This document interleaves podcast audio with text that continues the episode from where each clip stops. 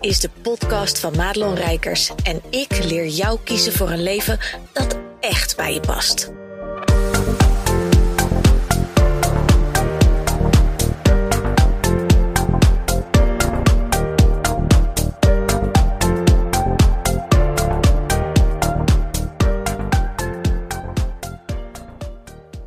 Hey, goed dat je luistert en dat je er weer bent bij deze podcast.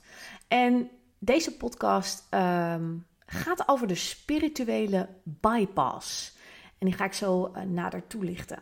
Want onlangs, en dat is uh, misschien als jij deze podcast hoort alweer even een paar weken terug, gebeurde er iets in mij wat brak. Want als je denkt dat Madelon Rijkers er nooit vanaf ligt, oh my god, think again.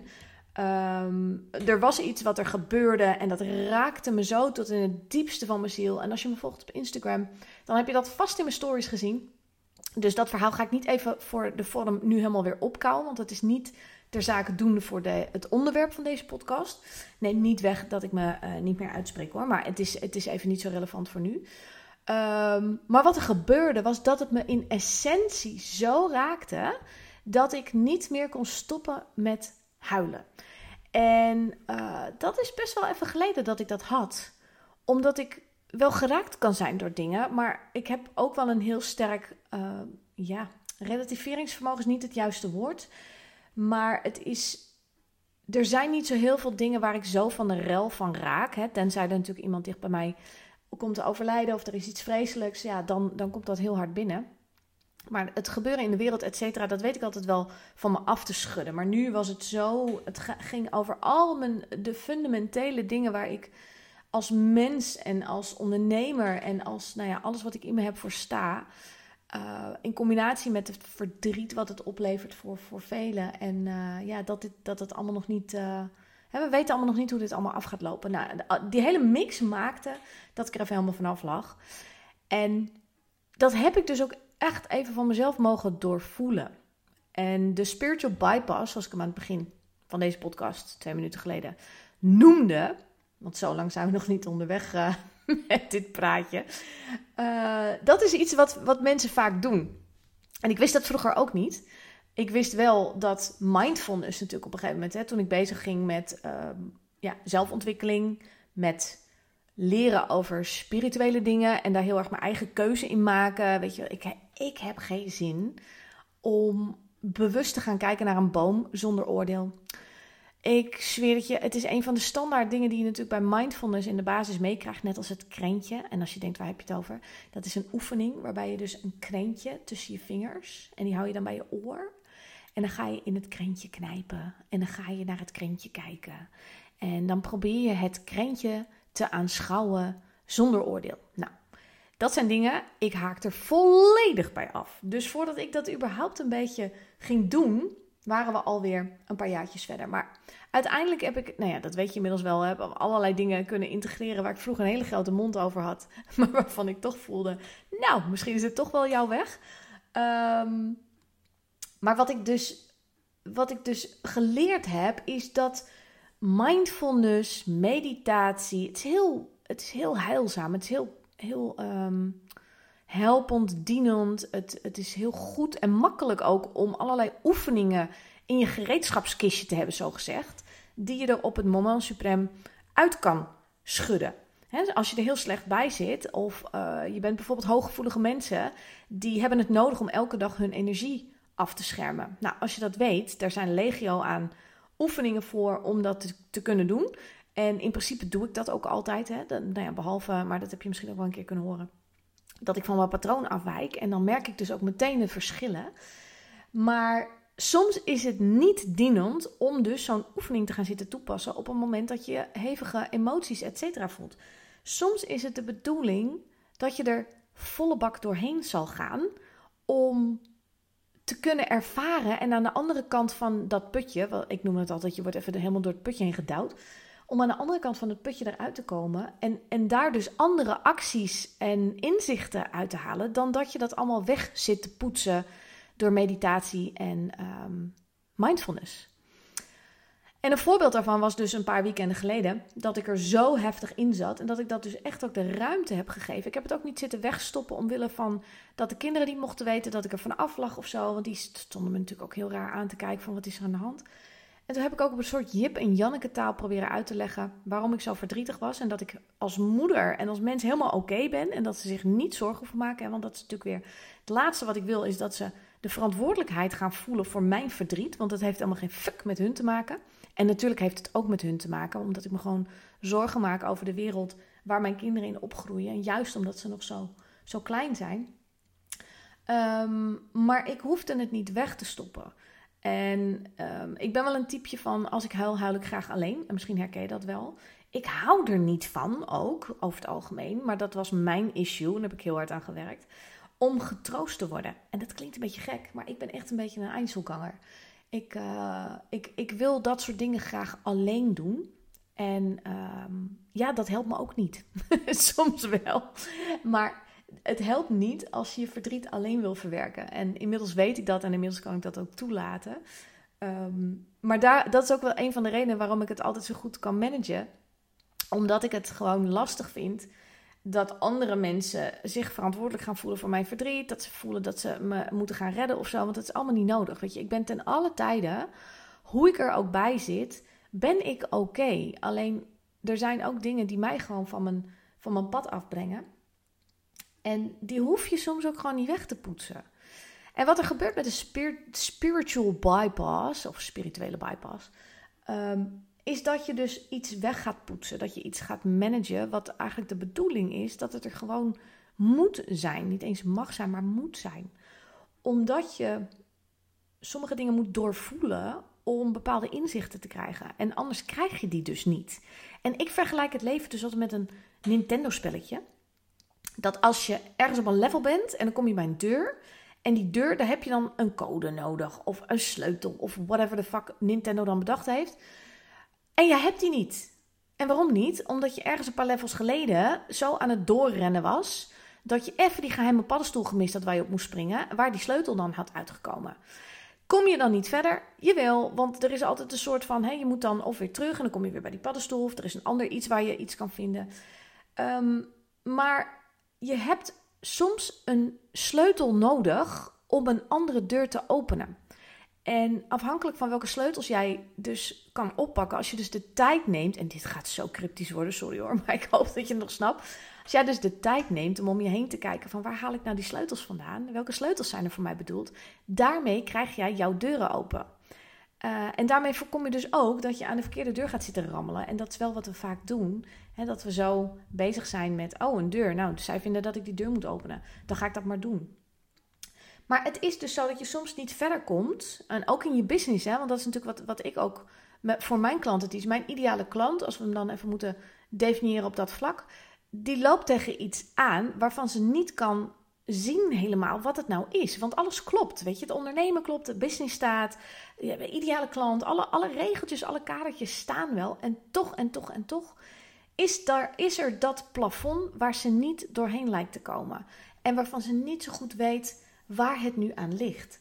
Ja, en ik denk dus dat dat, dat, dat zo'n deur is waar je een sleutel nodig hebt waar je gewoon voorbij gerend bent. En dat geeft niet, want um, weet je, het is dan mijn taak om mensen weer te helpen naar die sleutel en om te kijken van, nou ja, hoe gaan we dat verder? En wat zit er achter die deur en wat kun je daar dan weer mee?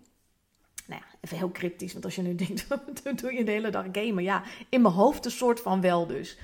Uh, maar, maar dat is dus wel met die, dat doorvoelen. Soms moet je dingen doorvoelen en dat is een proces. En heel veel mensen, dat heb ik ook heel lang gedaan, hebben, geven dat niet de kans om een beetje te rijpen. En dat klinkt stom, maar verdriet en dat soort dingen, we willen er graag vaak van af. Want we hebben er geen tijd voor. Uh, we hebben het idee dat we anders de hele boel naar de kloten helpen. We hebben het idee dat andere mensen niet mogen zien hoe verdrietig we zijn. Want dan willen ze niet meer met ons spelen. Dan willen ze niet meer bij ons kopen. Nou, dat zijn allemaal overtuigingen, overwegingen waardoor je kan kiezen om dingen weg te drukken of om dus de spiritual bypass te doen. En dat is interessant, hè? Want als je nu iemand bent die zit te luisteren en die denkt: nee, maar ik doe dat juist om het toe te laten. Nou, ga nou maar eens echt bij jezelf te raden of dat waar is. Is het waar dat je jezelf toestaat om intens verdriet te mogen doorvoelen en uiten? Of lig je eigenlijk met je kanus heel snel op een yogamatje of zit je weer met een of andere meditatie in je oren om tot rust te komen? Uh, en alles is oké, hè?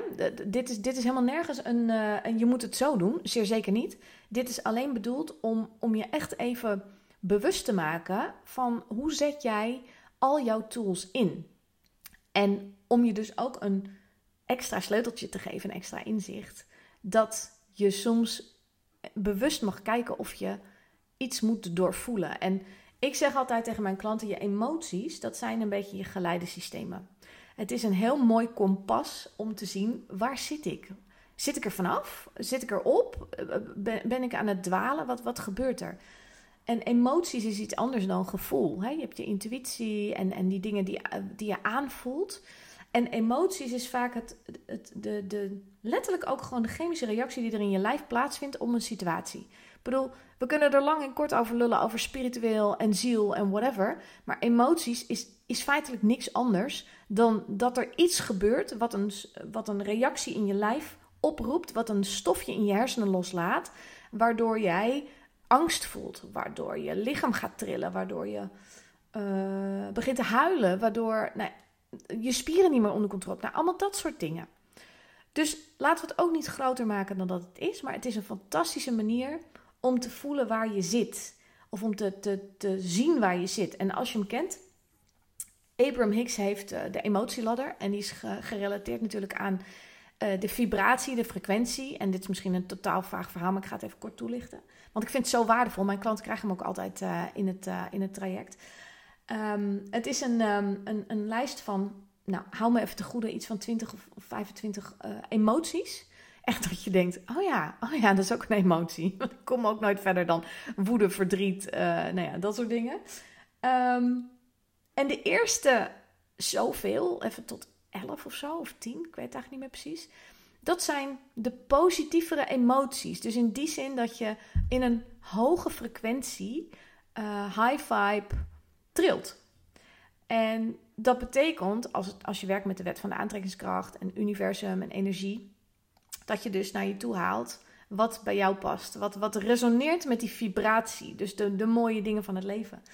Um, er is een kantelpunt in die emotie waarop je dus in de negatieve, in de lagere frequentie gaat zitten. En dus minder trilt. En dan krijg je dus gemanifesteerd in je leven wat daarbij past. En het mooie van Abraham Hicks is dus dat hij dus zegt. En Abraham Hicks is, is, is eigenlijk de geleidegeest volgens mij van Esther Hicks, die, die hem channelt en, en die daarmee dus de teachings ook over kan brengen op de wereld.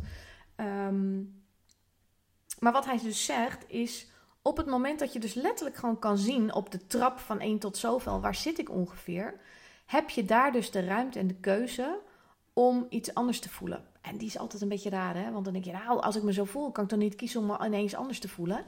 Jawel, alleen je kan niet van 20 naar nummer 1. En 1 is volgens mij, als ik het goed uh, heb onthouden, is dat liefde. Dat is de allerhoogste frequentie die er is, pure liefde. En als jij je echt in zak en as voelt en denkt, nou schiet mij me dood, ik heb er geen zin meer in, dan kan jij niet in de vibratie gaan zitten hangen van liefde. Dat gaat niet. Dat is hetzelfde als dat mensen zeggen, nou kop op joh, hè? maak je maar niet zo druk. Nee, bedankt voor de tip vriend, die snap ik, maar gevoelsmatig gaat dat even niet zo makkelijk. En die lijst, die maakt het dus haalbaar voor jou om te kijken: oké, ik voel me nu wanhopig en weet ik veel boos. En en wat is de eerstvolgende die hoger ligt dan die emotie, die ik uh, kan kiezen te voelen, waarmee ik in ieder geval alweer in een positievere trilling zit dan, dan het gevoel waar ik net in zat. En als je op die manier naar je leven gaat kijken, kun je dus sturen. En dat wil niet zeggen, om het verhaal natuurlijk even rond te breien met, uh, met waar het over gaat, dat je daarmee andere gevoelens onderdrukt. Soms, en dat heeft geen invloed op je manifestatie, et cetera. Maar soms, je bent hier gewoon om mens te zijn. Je bent eigenlijk een spiritual being die een menselijke ervaring heeft. En dat betekent dus ook dat je soms met je zak chips en je fles wijn, zoals ik, voor de Netflix hangt en, en in je pyjama ongewassen.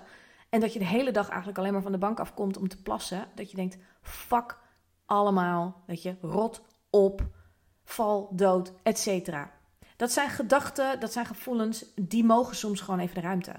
Zo'n zo'n algehele baaldag. Ik ga er, als ik voel dat ik hem, dat ik hem niet kan, kan ehm, managen, dan ga ik even helemaal mee in dat gevoel. Laat ik ook even alles los. Laat ik mijn bedrijf los, laat ik alles los. Hoef ik even helemaal niets van mezelf. Weet je hoe dat helpt? En weet je hoeveel goud dat weer oplevert voor de dagen daarna als ik er weer ben? Uh, en dat is een beetje vreemd, want je zou zeggen, nou, maar dat kan toch niet? En dan moet je helemaal geen aandacht aan geven. En voor je trilling is het goed om je goed te voelen. Ja, maar soms lukt dat even niet. En zeker met dat verdriet wat ik voelde, um, is het ook niet nodig om het te managen. Laat het er maar uit. Want als ik het ergens namelijk ga oppoppen, op, opproppen, kroppen, niet oppoppen, dan gaat het zich nestelen in mijn lijf. En dat zorgt dus voor blokkades. Nou, daar heb ik natuurlijk Marissa voor, die mij een paar keer per jaar helemaal doorlicht en hield en whatever. Um, wat er niet uit te lullen valt en, en zich gaan nestelen is in mijn lijf.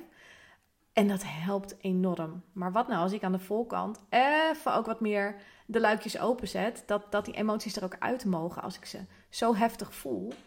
En dat dat beter is soms dan al die oefeningen gaan zitten doen.